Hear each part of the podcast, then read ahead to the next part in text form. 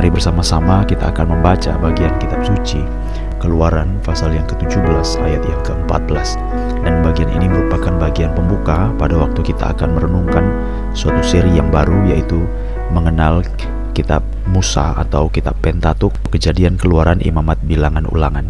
Keluaran pasal 17 ayat yang ke-14 demikianlah firman Tuhan. Kemudian berfirmanlah Tuhan kepada Musa Tuliskanlah semuanya ini dalam sebuah kitab sebagai tanda peringatan dan ingatkanlah ke telinga Yosua bahwa aku akan menghapuskan sama sekali ingatan kepada Amalek dari kolong langit. Sampai di sini pembacaan kitab suci.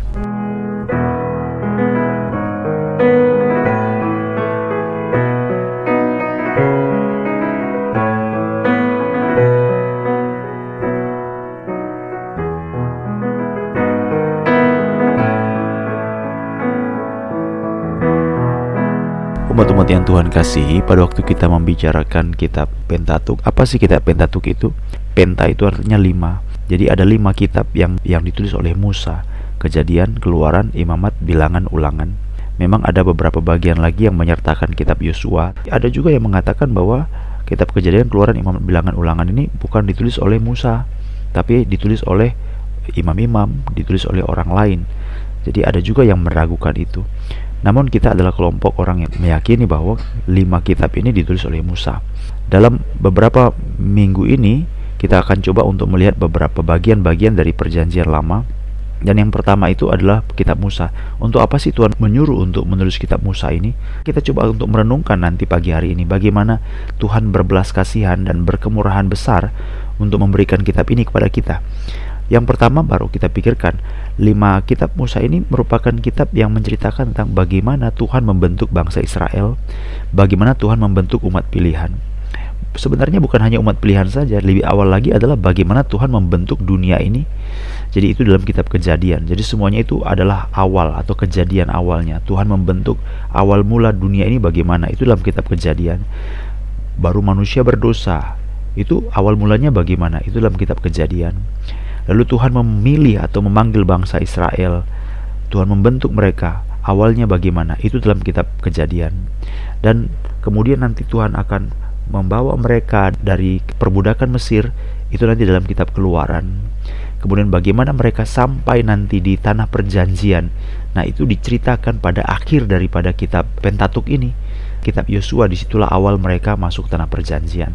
Jadi segala sesuatu yang berkaitan dengan permulaan, kejadian, peristiwa merupakan hal-hal kunci itu dicatat dalam kitab Pentatuk ini. Lima kitab Musa ini, kejadian, keluaran, imamat, bilangan, ulangan. Salah satu ayat yang baru saja kita baca tadi, apa sih tujuan Tuhan? Kenapa dia perlu menceritakan ini? Sangat mendasar yang dimasukkan dalam sejarah bukan hanya sejarah orang Yahudi, tapi bagi kita juga orang Kristen.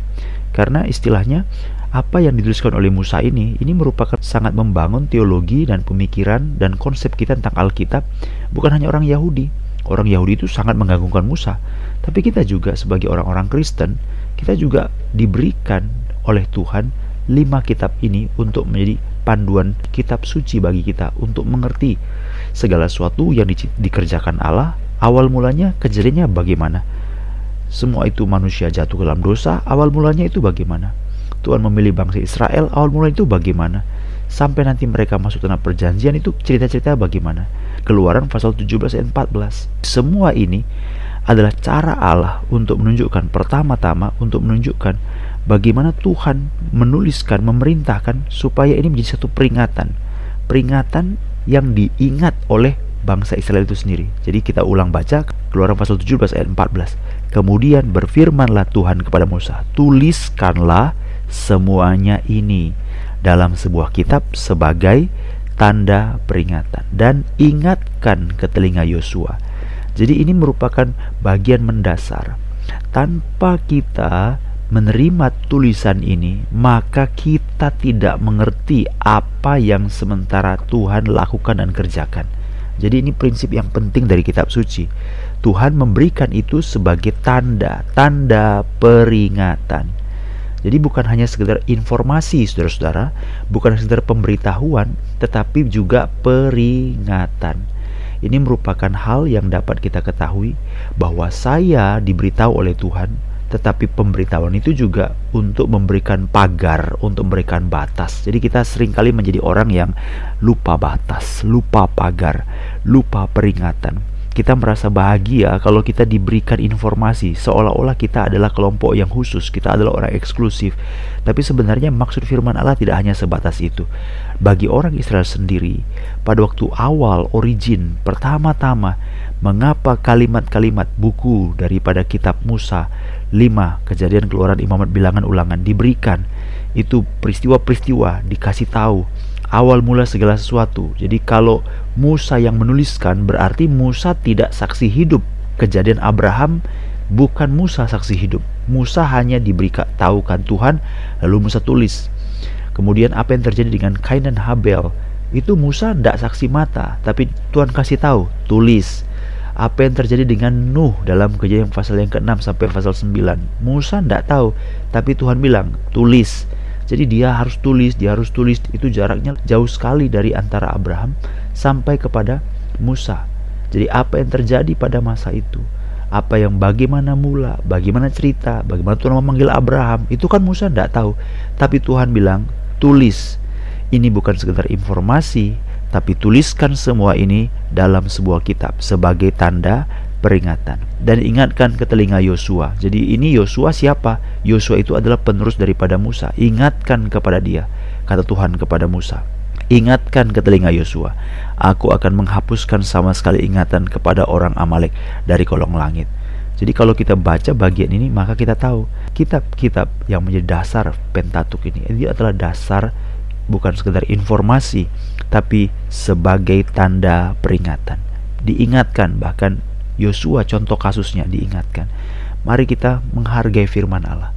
Mari kita menghargai bahwa setiap tulisan yang diberikan Allah itu merupakan hal yang tidak ada satupun yang terbuang mubazir, tidak ada gunanya, tidak. Semuanya itu ada guna, manfaat, ada arti, ada makna, maka kita harus bergumul untuk menemukan rencana Tuhan itu sebagai tanda peringatan. Bahkan pada waktu Tuhan menyuruh untuk Musa menuliskan berbagai peristiwa-peristiwa yang terjadi, walaupun sebagian Musa bukan saksi hidup.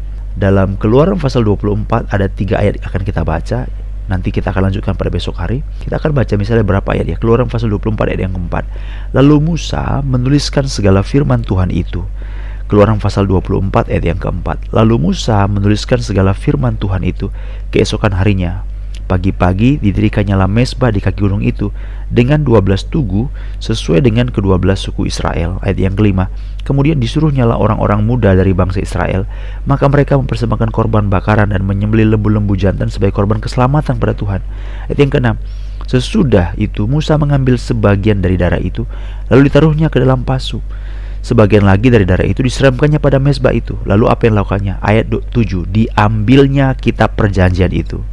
Lalu dibacakannya dengan didengar oleh bangsa itu dan mereka berkata, segala firman Tuhan akan kami lakukan dan akan kami dengarkan.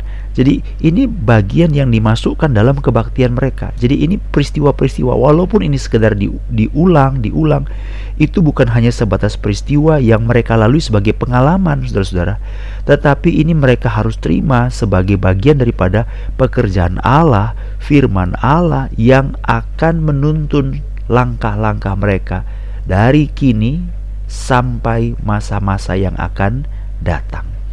Jadi banyak orang kan tidak tidak mengerti bahwa oh pengalaman itu adalah guru yang terbaik.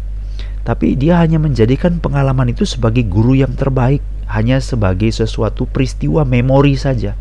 Tapi Tuhan mengatakan bagi Musa, kenapa ini disuruh ditulis? Karena ini bukan hanya sekedar peristiwa, ini bukan hanya sekedar pengalaman, tetapi ini adalah kitab perjanjian atau segala firman Tuhan yang dilakukan dan didengarkan. Makanya dibacakan dan didengar dalam kebaktian loh ini. Keluaran 34 ayat yang ke-27 ya. Keluaran 34 ayat yang ke-27. Berfirmanlah Tuhan kepada Musa, tuliskanlah segala firman ini sebab berdasarkan firman ini Jadi kembali lagi ini sudah ada arti yang bergeser, bukan hanya sekedar pengalaman, bukan hanya sekedar peristiwa, tetapi tuliskan segala firman ini sebab berdasarkan firman ini, inilah dasarnya fondasinya. Berdasarkan firman ini telah kuadakan perjanjian dengan engkau. Ayat yang terakhir ya. Bilangan pasal 33 yang kedua. Bilangan pasal 33 yang kedua. Musa menuliskan perjalanan mereka dari tempat persinggahan ke tempat persinggahan sesuai dengan titah Tuhan, sesuai dengan titah atau perintah Tuhan. Dan inilah tempat-tempat persinggahan mereka dalam perjalanan mereka. Jadi apa yang bisa kita renungkan pagi hari ini? Waktu kita diberikan informasi tentang cerita, tentang peristiwa awal mula bagaimana ini segala sesuatu terjadi. Alkitab berkata, ini tuliskan sebagai tanda peringatan.